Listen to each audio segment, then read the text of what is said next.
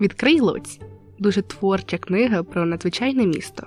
Авторка Кароліна Колодзей. Що є окрасою міста? Історичні кам'яниці. Чи ти знаєш, що в Лодзі є близько 10 тисяч кам'яниць? Разюча лічба, еге? У жодному місті Польщі їх немає аж стільки.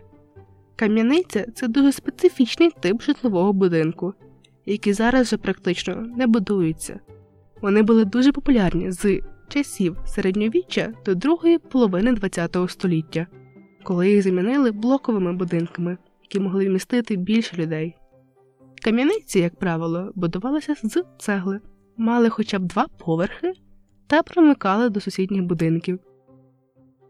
У Лодзі знайдеш їх на Петраковській і в безпосередній близькості до цієї вулиці, а також у кожному районі міста. Це пов'язано з тим, що кам'яниці є найбільш типовим елементом будівництва в нашому місті. Уяви собі, що в минулому багатство родини можна було розпізнати за поверхом, який вона займала в будинку. На першому поверсі розташовувалися найбільші, найкраще обладнані та й найгарніше оздоблені квартири, призначені для найбагатших мешканців. Тут часто жили господарі будинку, на наступних поверхах розміщувалися менші квартири за більш доступними цінами. Пам'ятай, чим вищий був поверх, тим дешевшою була орендована квартира. Оскільки в довоєнній лодзі лід був рідкістю, лише деякі кам'яниці могли похвалитися тим, що мають такий пристрій. Найбідніші мешканці мусили підійматися до квартири крутими дерев'яними сходами. Кам'яниці, тобто будинку, який був розташований вздовж вулиці, товаришили з так званими офіцини та внутрішній двір. Офіцина це будівля, прибудована збоку або ззаду до головної споруди, вікна якої виходять у двір. Тут знаходились скромніші квартири для найбідніших. Більшість луцьких кам'яниць має подвір'я. Раніше тут були розташовані ремісничі майстерні, фабрики чи просто городи. Сьогодні, зазирнувши на подвір'я такої кам'яниці, особливо в центрі міста, знайдеш там магазини, картинні галереї, ресторани, а навіть кінотеатри.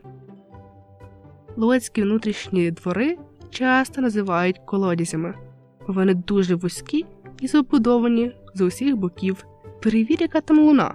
Найстаріша кам'яниця на вулиці Петриковська 243, також є одним із найстаріших будинків міста та першим двоповерховим житловим будинком, який постав у лодзі. Вона була побудована у 1834 році, тобто майже 200 років тому. Після недавнього ремонту виглядає майже як нова. Попри плин часу та наслідки пожежі, яка знищила деякі будівлі у 2007 році, ця кам'яниця зберегла свою гарну класичну форму. На перетині вулиці Заходня, Костюшка та Зелена розташована захоплива кам'яниця Пінкуса, так називався її перший власник. У 1896 році, коли її побудували, це був найвищий житловий будинок в місті.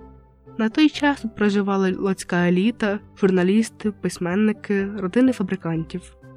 Завдяки величезним розмірам будівлі, кутовій вежі з оглядовою терасою та гарному оздобленому фасаду мешканці мали відчуття, ніби вони можуть жити в палаці. Як бачиш, кам'яниці можуть бути величезними, маленькими, можуть знаходитися в центрі або на околиці міста, можуть бути багато прикрашені, особливо ті на Петраковській та біля цієї вулиці, або вражати своєю стриманості та елегантністю. Деякі з них прикрашені цікавими рослинами або тваринами, візерунками, на інших можна побачити дивовижні створіння.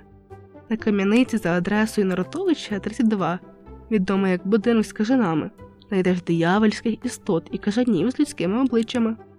Цю кам'яницю можна вважати однією з найцікавіших у нашому місті. Казкові декорації, відсилання до естетики минулих часів та похмура атмосфера справляють дивовижне враження.